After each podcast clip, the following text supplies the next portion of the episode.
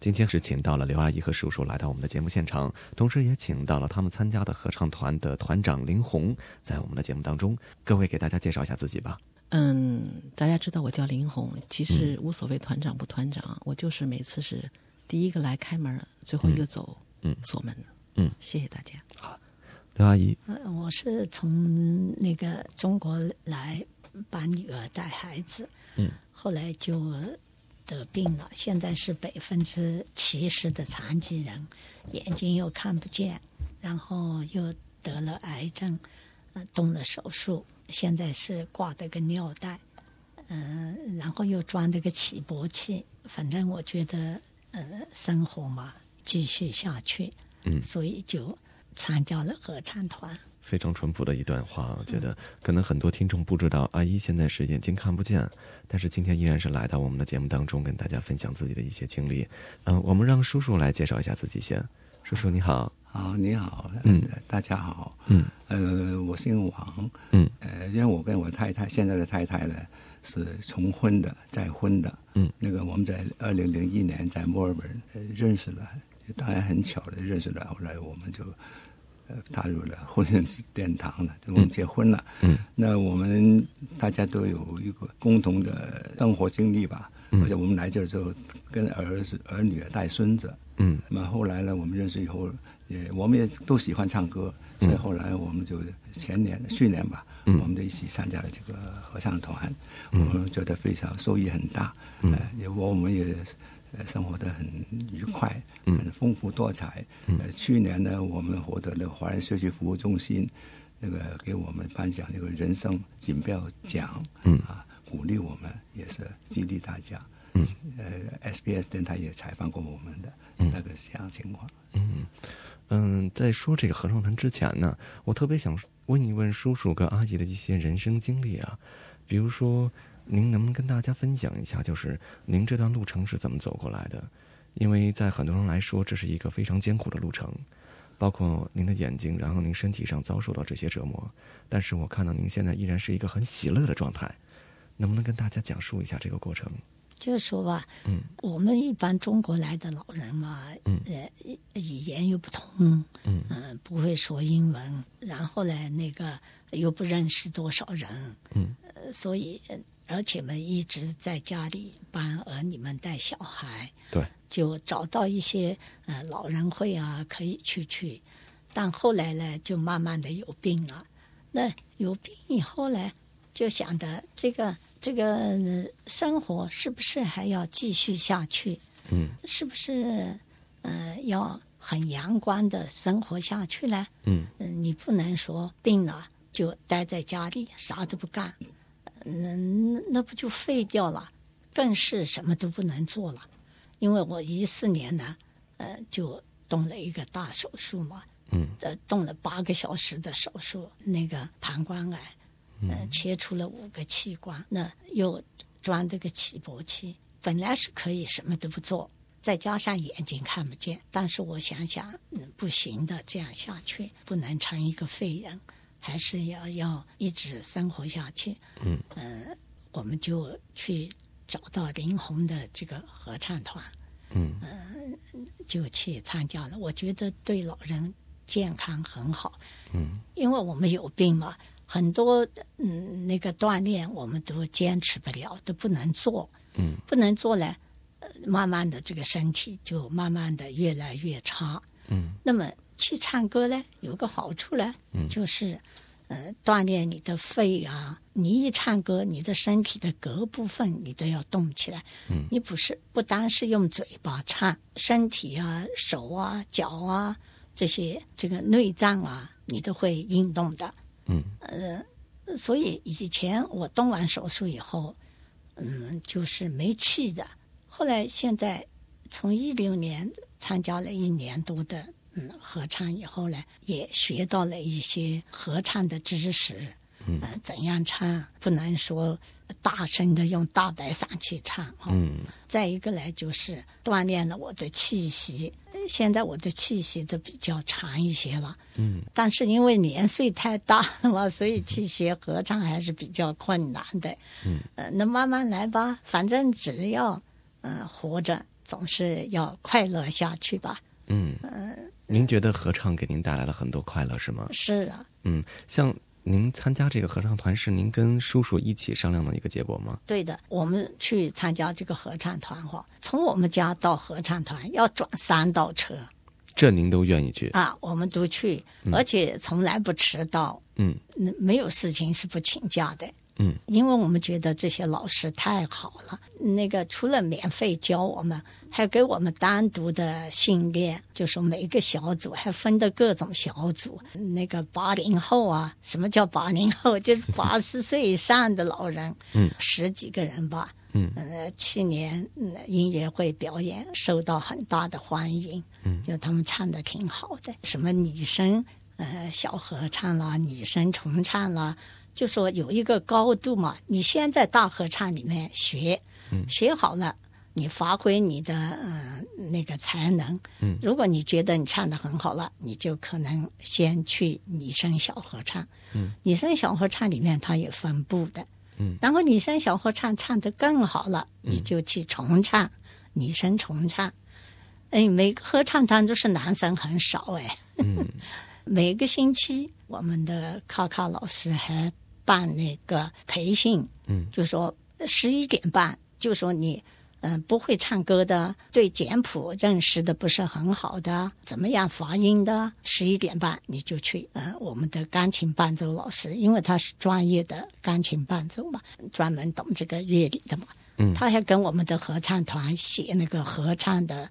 呃分声部的那些曲子，我感觉其实阿姨对这个合唱团是非常的有热情啊，在里面知道很多很多的东西，包括跟跟估计也参加了很多很多的项目。问一下叔叔，您感觉阿姨自从参加了合唱团之后，她的整个心境啊，或者一个心态，是不是有一些什么样的变化呢？那是还是很明显的。很明显因为，我们两个人呢，嗯呃，我们是前面说到了，我们是二零零一年，嗯我们在澳洲认识以后再婚的，嗯，那么我想知道那个时候您跟阿姨大概是多大岁数？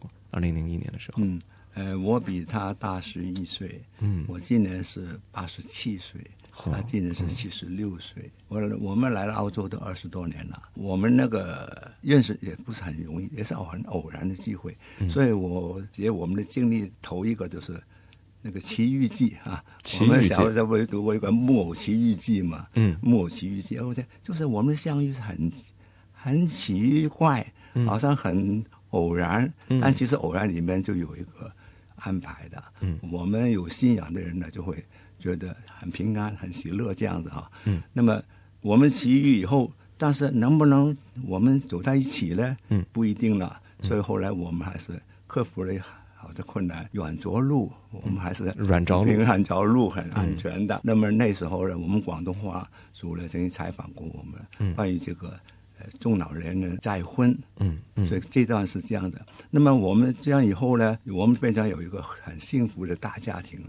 我们有四个儿女一起，他有两个女儿，我有一个儿子一个女儿，在这儿呢，我们的四个小家庭，嗯。所以呢，成了八有八个孙子。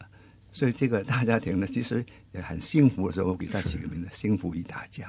嗯，我太太呢，爱好的也很多，她也很活跃，嗯，很多社交，很多朋友。那个我呢，什么都不懂，但是呢，就样样都喜欢，是这样的人。所以我们也是喜欢唱歌啊。我们以前也参加过那个长青大学、啊、一个合唱团，后来因为老师改了、换了、没有了，我们就不不唱了。而他拉二胡，我拉小提琴，都喜欢这样的那个生活了。那么后来呢，因为他病了，就断了。身体好了以后，后来有机会认识到这个现在这个和尚的。我太太说了，我们每次去啊，都转三道车才能去到那里。故乡的小路，是我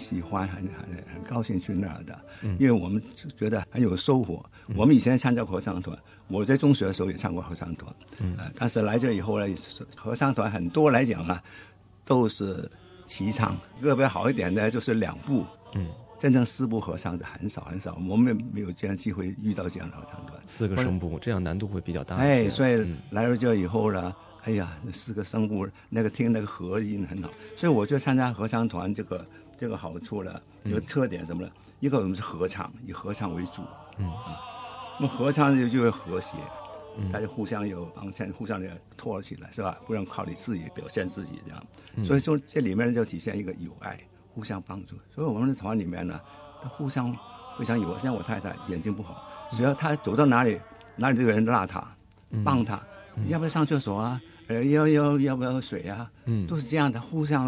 呃，那是去年呃八月份火塘汤河演出了、那个音乐会，嗯，他就是林红特别关心，安排有一个大学生带着他上台，嗯。因为他看不见啊，因为有三排的、四排啊，摔倒了不好看是吧？也也不行，所以就带着他出场，嗯。进场是这样子的，那很关心的，所以那个这这种友爱精神呢，所以您对合唱团的理解已经超脱了所谓的音乐，对。而是在你们这种互助的精神、是是，和谐的精神。非常好，所以我们非常爱这个 这个集体、这个群体，那、这个群体也爱我们，所以我们也特别喜欢这个群体。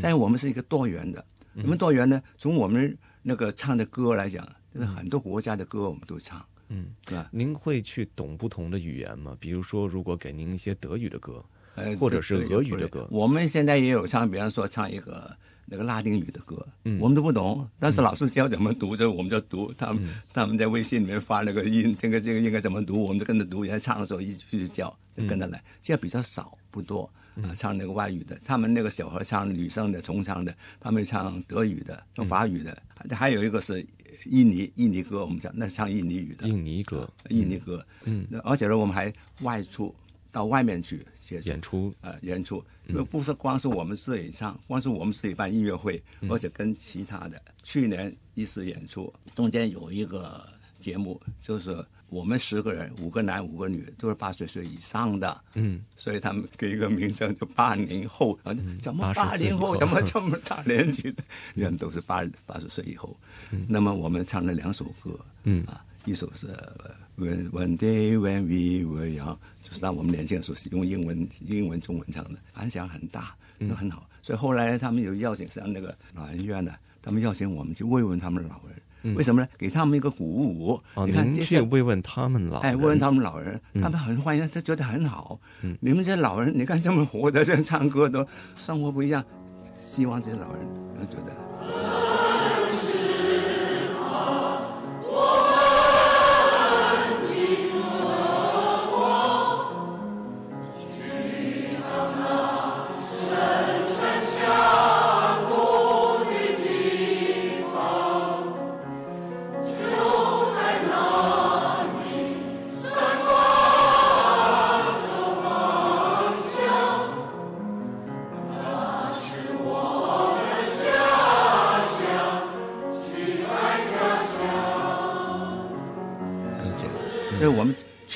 他们两次啊，嗯。啊，还有去了华人社区服务中心最近的嘛，那个我们星期二有日间照顾小组，嗯，这照顾小组呢，就是一些年纪比较大、有病的、腿不好的，或者比较孤独的，这个或者老伴不在了这样，嗯，他们很孤独，啊，每个礼拜来活动，那活动这里面也邀请我们这个八零后去给慰问他们，嗯，鼓舞鼓舞他们，也有个目的是交流。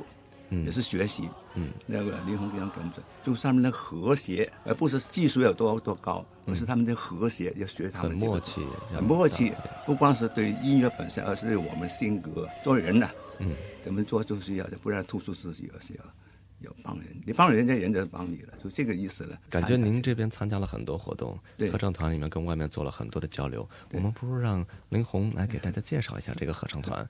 嗯，您是这个团的团长，像您说的，最早一个到，最迟一个走。您对这个合唱团的了解应该是非常之深的。那是，嗯嗯，我刚才说最早一个和最后，因为只有我有钥匙，哎，别人进不去，因为我们是礼拜天活动。嗯这个合唱团如果说正式成立，应该是一四年底。一四年之前呢，已经有差不多有三四年的，我们有一个叫方学悟老师，嗯，他当时时候有一每年一半时间在这里，一半时间在中国。那么来了以后就会办一个培训班，嗯那么当时就十几个人，十几个人以后就是指导各个别指导每个人发声啊，唱一些简单的合唱曲。嗯那么一四年底的时候，我们俩一商量，觉得可以办一个音乐会。其实现在想起来是一个很大胆的，当时都没有人。嗯那么一四年底就开始招兵买马，嗯所以在一五年的五月份，我们在 h o s a n Arts Center，也就是 h o s a n 艺术中心办了第一场音乐会。嗯当时选的歌是比较简单的。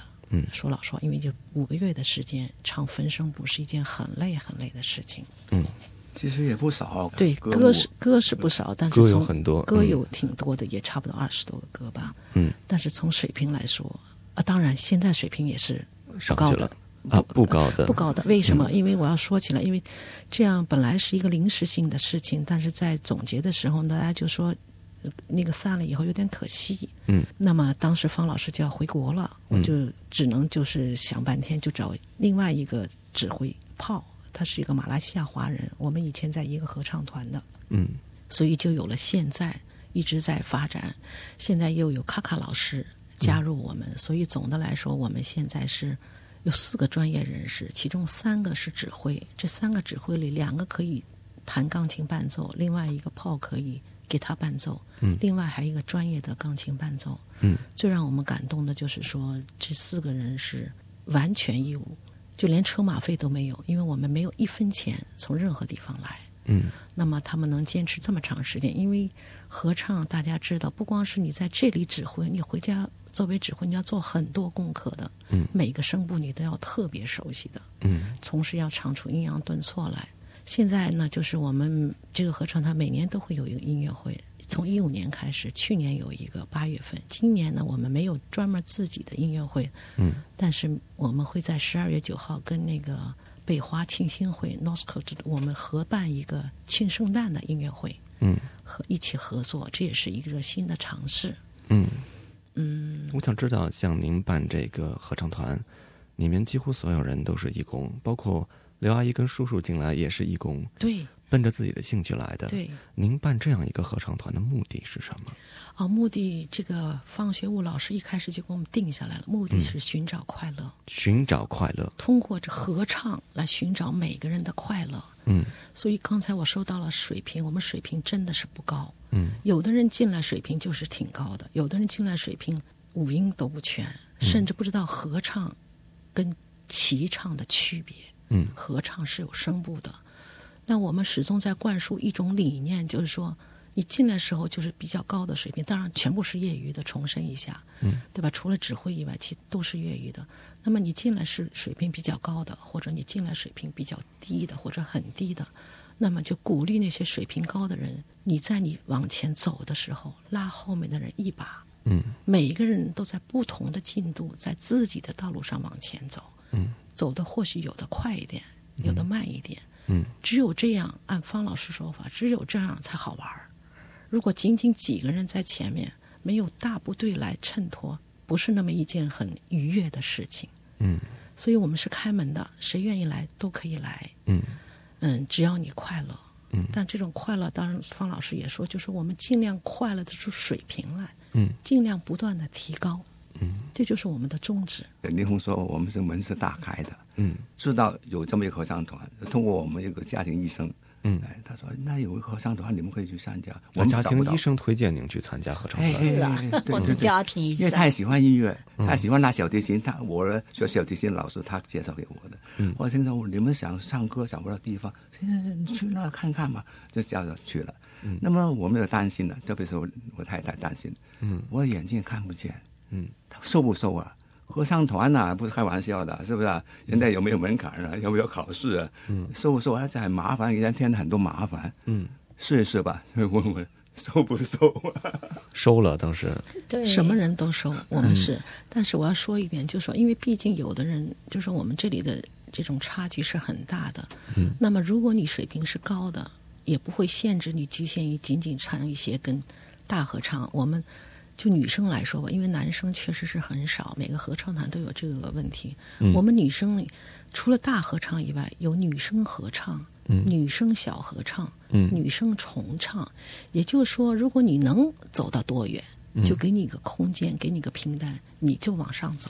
嗯这样的话就适合不同人群的需要。嗯，像现在刘阿姨跟王叔叔他们是参加哪一个声部？哦对嗯，刘阿刘阿姨因为还不到八十岁，还不够格儿参加八零后。哦，现在还不是八零后。不，是啊，王叔叔参加八零后，但是我们今年刘阿姨和王叔叔有一个夫妻组，嗯。我们明年有个音乐会，他们夫妻组，因为我们有几对夫妻会唱歌。嗯。啊，他们就参，王叔叔两个都参加。王叔叔原本呢，去年还参加了男生小合唱组，嗯。那么我就跟他商量说，您参加太多组也太累了，嗯所以他就把男生小合唱给放弃了。嗯，王叔叔是非常热爱这个合唱团你们的活动，感觉非常积极的去参与。在您眼中，您这里应该有很多老人过来参加，嗯您觉得他们参加了合唱团之后，他们的内心会有一个变化吗？嗯，我们这个合唱团呢，现在在册呢，差不多有七十多个人。嗯每个星期天来的人肯定不会都来，对吧？生病的、出游的，差不多五十个人左右。嗯，那么年龄呢段呢，从三十岁到像王树这样将近九十岁、八十六岁都有。嗯。那么特别是对老年人来说，我觉得就是一个还是说这种心情的愉悦，因为我觉得我们合唱团真的得感谢每一个人，嗯。就是那种文化，就是爱，嗯。就是不在乎你唱的怎么样，你只要是合唱团的一员，嗯你就是这个大家庭的一员。嗯所以对他们来说，一方面是心情，一方面确实这个歌唱的这个技术，每个人在按照自己的速度嗯在就是越来越好。嗯那么我就感觉到，就是如果老年人，如果他每个个体的心情好了，我相信回到家里，家人也会高兴的。嗯，就说不光是仅仅这七十个人或者五十多个人每次来，那么家庭也是会为了他们的家人能够享受这种氛围，也是会带来快乐的。嗯，我们来问问刘阿姨跟王叔叔，像刚刚林红林团长所说的这一切，真的吗？您参加了之后，您的家里人也开始高兴了很多，因为看着您跟王叔叔在里面特别喜乐的唱歌。是啊，嗯嗯，那个就是我们的音乐会嘛，都请我们的孩子们都来看呐、嗯，嗯，都来他们会很积极的去啊参与，吗？他们都积极的来嘛，还有孙呃呃那个呃能够来的都来，孙男孙女啊、嗯都来。嗯，他们都说：“哎呀，你爷爷奶奶唱的很好哎。”那个我特别感受的就是我自个人体会哈，嗯嗯，就是因为我眼睛看不见嘛，嗯，就我就要背歌词哎背歌词啊，我不背歌词我嗯没办法唱的。您是怎么背歌词呢？嗯，就是那个，因为我们合唱团每次都在微信里面，嗯呃，发的嘛，各个声部老师都在里面带着唱的嘛。嗯你是哪个声部的，你就跟着哪个声部的，呃，老师唱哪个声部，你就跟着他唱。唱完以后，我有个录音机，嗯嗯，我不但有一个，有两个呢。嗯，我不能少的，我就把录的录音带上面，嗯。因为我不能老叫我先生给我按那个微信嘛，嗯，我就自己那个录的那个录音带上面自己呃翻过来倒过去的听，然后再请我先生跟我念歌词，他念一句我跟着他说一句，然后还有我们两个不是经常坐巴士吗？嗯。经常坐巴士呢，我就叫他把歌片带着，嗯坐在巴士上，坐在电车上啊，就那个啊两季三季的教给我，然后我又背给他听，嗯就这样，然后又跟着大家唱唱。嗯，特别挑战的就是像拉丁文啊、英文啊、嗯这些歌，可以说在里面就是混啊。嗯嗯，别人怎么念您就怎么念。哎，对，别人怎么念我就怎么念，怎么唱就怎么唱。但是他的曲子呢，是唱几次就知道的了，就是呃，要歌词要对进去嘛。我特别想说的一个就是我们合唱团的八十五岁的简老师，嗯他是广东人，嗯他呢可也会弹钢琴，钢琴也弹得好。那个我们合唱团都叫他万金油，为什么呢？什么都会是吧？啊，什么都会，就说叫他钢琴伴奏有事情不来，他就去弹钢琴。嗯，哪个声部四个声部要分开练的嘛？嗯要他去带低音部的女生，他就去带女生。你随便叫他干什么，他都很认真，嗯很热爱。他自己还有病，腿又不好，走得很慢很慢，嗯但是他都每次都坚持来。嗯呃而且还有哮喘病。嗯嗯，我们的老人当中，八十岁以上的，好像有两个还是三个都有哮喘病的，嗯，而且路又远。像哮喘病，他可以去唱歌吗？这个会不会比较有危险？那个跟他们看病的中医说，嗯、你们如果好的话，嗯、不发病的时候呢，你们就去唱唱歌，嗯，也增加一些肺的那个活动啊活动。锻炼一下。哎，所以他们都坚持来的。嗯嗯，甚至有的人哈，来回三个钟头啊，嗯又坐火车，又坐电车，这样。嗯火车可能要坐四五十分钟。呃，我们呢，虽然换三道车呢，就说呃也要个四五十分钟嘛。嗯呃，如果不等车呢，还还好一点。如果等车，有时候个把钟头的，换三次车，我们都都非常的热爱。嗯嗯，我想问一下林红，您觉得吸引这些八零后的老人来您这，最根本的一点在于什么地方？哎，我也说不好，就是说，嗯不让他们觉得他们是另类人。你到了合唱团来，你就是我们的一员。嗯不管你是八零后、七零后还是年轻人，我觉得这一点特别重要。嗯第二点，不管你唱的怎么样，你是不是有个好嗓子，你是不是以前唱过歌？嗯因为我们毕竟唱歌就是不是我们的目的，嗯我们的目的是寻找快乐，嗯，唱歌仅仅是一个手段。我想知道，比如说像王叔叔跟刘阿姨到您这边来参加合唱的时候，因为可能叔叔跟阿姨并不是专业的音乐人士，所以他们在跟一些比如说呃能力比较高的音乐家在合作的时候，会出现一些问题。这个时候您是怎么去解决这些问题的？那么，因为就是我再重申一遍，就是我们团员基本上没有专业的，没有专业全部是业余的，嗯指挥是专业，嗯。所以这个问题还不是特别的明显。嗯。另外一点就是说，大合唱是是是人人都参加，嗯。那么你说，比如说水平好一点的，嗯。你就往上走，嗯。你就在参加小组，嗯。我们有个叫所谓的越往上越是精英的，嗯所以不太存在于有什么解决这个问题。还有一就是要不停的给大家灌输一个理念：嗯作为一个合唱一个团体，必须是齐心，嗯心齐比任何人重要。嗯，包括在出勤，还有在唱的时候，您对出勤是有要求的。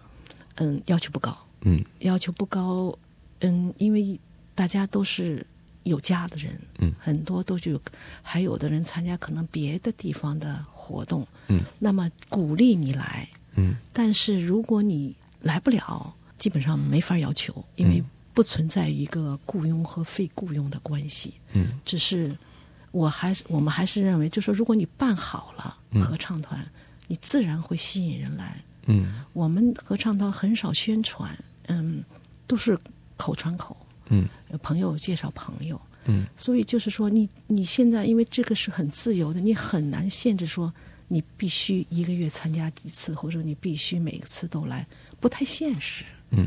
那么实际上就是说，每个人总有一个，如果你生活是很充实的话，你总有个轻重缓急，嗯，就完全取决于你哪个轻哪个重，嗯。一点都没有限制。但是如果音乐会来了，嗯我们是有限制的，嗯不能你音乐会要演出了你来，我们是不让上台的，嗯，嗯，有一个时间卡的这个。了解。您说了，您这个合唱团是为了寻求快乐，不仅仅是教大家去唱歌，是给大家一个非常和谐的氛围，让大家在里面生活，去感受生活。我知道您在平时的时候还做一些事情和老人家去互动，是不是？比如说您有一个微信群，有两个微信群，是不是？你这个你都知道呀？嗯，这个好像是刘阿姨告诉我的，是吗？对，微信群呢，两个微信群都是跟这个合唱团有关的。嗯。一个微信群的题目叫“闲着也是闲着。嗯”，这个理念就是说，如果你闲着的话，嗯。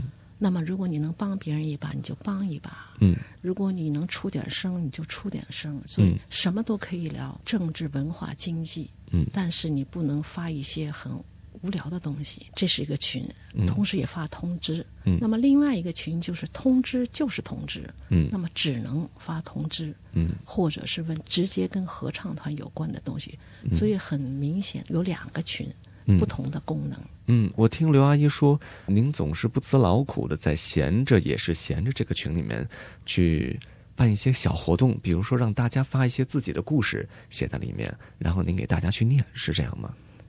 对，这是我，这是嗯。其实也是很偶然偶然的。一开始的时候没有这个想法，只是嗯。我偶然间找到了一本白岩松的书，嗯。他写的叫白说，《白说》白说对，嗯。我就念了，一直念了很多个月，因为那本书很厚，差不多快念了一年，每次念差不多十分钟。后来我就意识到这个十分钟太长了，大家都很忙，嗯那么我就现在减到每次念三分钟。嗯我觉得如果能念一些我们团员自己的故事的话，可能更有意思，嗯因为外面的书很多很多，你很难选。嗯那么就鼓励大家能选，我就说你写，写完以后，如果你能自己念，你念，我放在微信群里，闲着群里，不能念我帮你念。嗯那么就对那个刘阿姨和王叔叔他们两个合作，就写了一篇他们的简单的他们的经历，差不多也念了将近有十次吧。每次不止三哦不不止止不不止止啊，嗯每次差不多三分钟，放的大家都是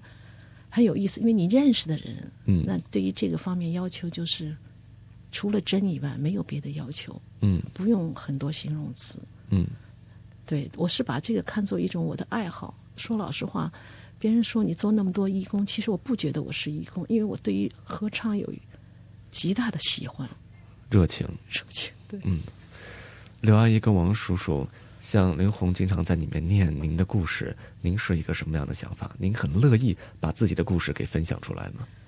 对我，我觉得分享出来，嗯。嗯，那个对大家都是一种鼓励嘛，特别是老人，嗯。嗯，还有生病的人，嗯。我觉得我也不是做的多好，嗯。呃，肯定还有些老人比我做的还好，嗯。但是不管怎么样，是我亲身的经历，嗯。愿意跟大家分享，因为这里是多元文化的社会嘛，对你想说啥说啥，而且我们说的也不是编出来的哈，嗯，都自己的经历，特别真实哎、的经特别。真实。嗯那么，嗯，呃林红就每天就念。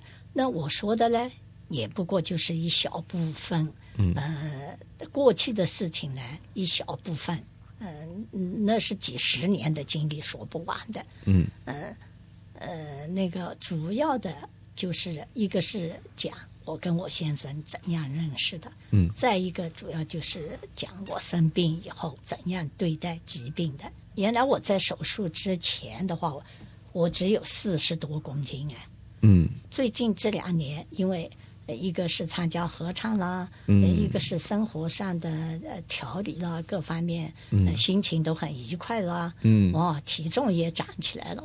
嗯，这是件好事。嗯 很多人看见我都没觉得我是生病的人哎，做过那么多手术的人哎，内心有一种喜乐的呃状态。对，有一种喜乐。特别想说的就是我们团里对我这个残疾人哈，我一直在担心他们不要残疾人哎。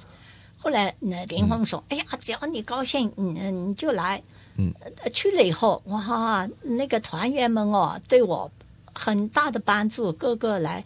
呃，上楼啊，一看见我都来拉着我，扶着我倒水什么。然后唱歌的时候啊，我旁边都坐着两个精英哦，嗯。因为我耳朵要听嘛，嗯。我看不见谱嘛，嗯。我的耳朵要听嘛，就左边听一个，右边 听一个。其实刘阿姨，您一直强调您是一个残疾人，但是我总觉得在林红的这个合唱团里，您不是一个残疾人。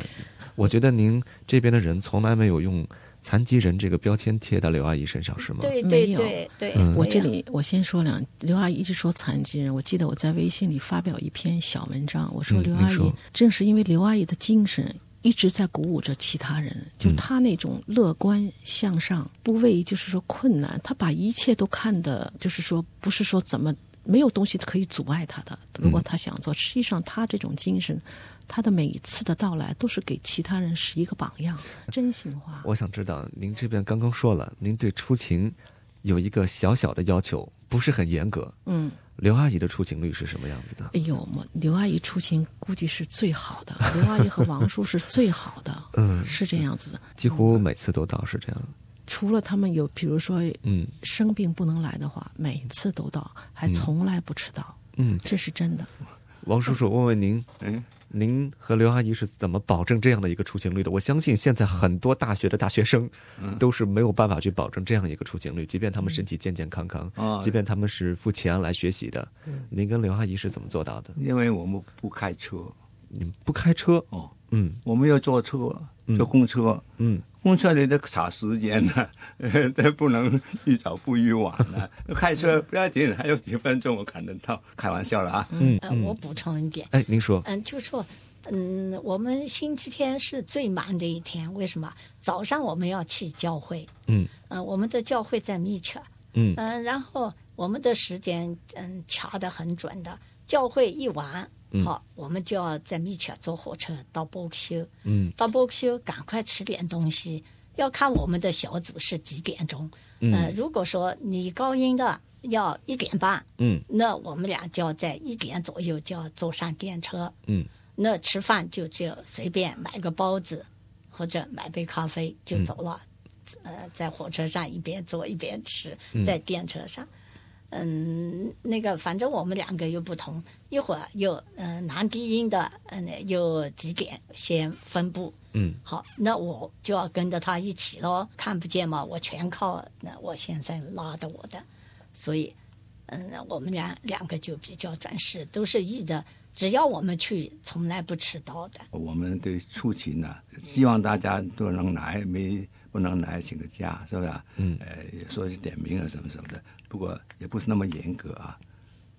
但是有一点，我觉得值得强调一下，就是我们团呢、嗯那不是靠这个出勤，而是有什么？有一种风气啊，这个团呢、这个友爱的风气很重要。风气，嗯，哎，等于里面是非常少利益冲突的这种，大家在里面是很和谐的，是一种互帮互助的群体我。对我觉得一个团体跟一个国家一样，就是这个文化特别重要，理念特别重要。即便是一个非盈利团体，对，也有，即便是非盈利都一样的，就是说呃你这个文化垫了那里了，那么新来的人自然就会慢慢就会融于这个文化，因为怎么说呢？这要感谢每一个人的努力，每一个努力才能得到这么和谐的这么一个团体。嗯你就是说，如果你是想争名争利，这里给不了你这些东西。没错，因为这是一个非盈利的团体，这是给大家寻求快乐的一个团体。我在这里能不能有一个小小的请求？您在微信“闲着就是闲着”里面经常会读一些包括刘阿姨跟叔叔的故事，您可不可以给听众来一段？我这一生最大的幸福，就是认识了耶稣。我也感谢神使我认识我现在的先生，他一直细心地陪伴和照顾我。当我眼睛越来越看不见的时候，他更是我的眼睛和拐杖。以前我从来不知道什么是男人的爱，现在我得到了。从前在家里，女人的活儿是我做，男人的活儿也是我去做。现在我重新找回女人的感觉了。现在我的姐姐们反而羡慕我了，说我先苦而后甜呢。这是奇遇。大家可曾记得，我们的故事一开头说的就是奇遇。我觉得很多听众心中应该跟我一样，现在有一份感动，不光光是刘阿姨跟王叔叔的这段人生经历，更是在这一个小团体中，这个非盈利的团体中，大家所寻找的一种快乐的状态，一种喜乐的状态。最后还是感谢三位，非常感谢你们。好，谢嗯谢谢谢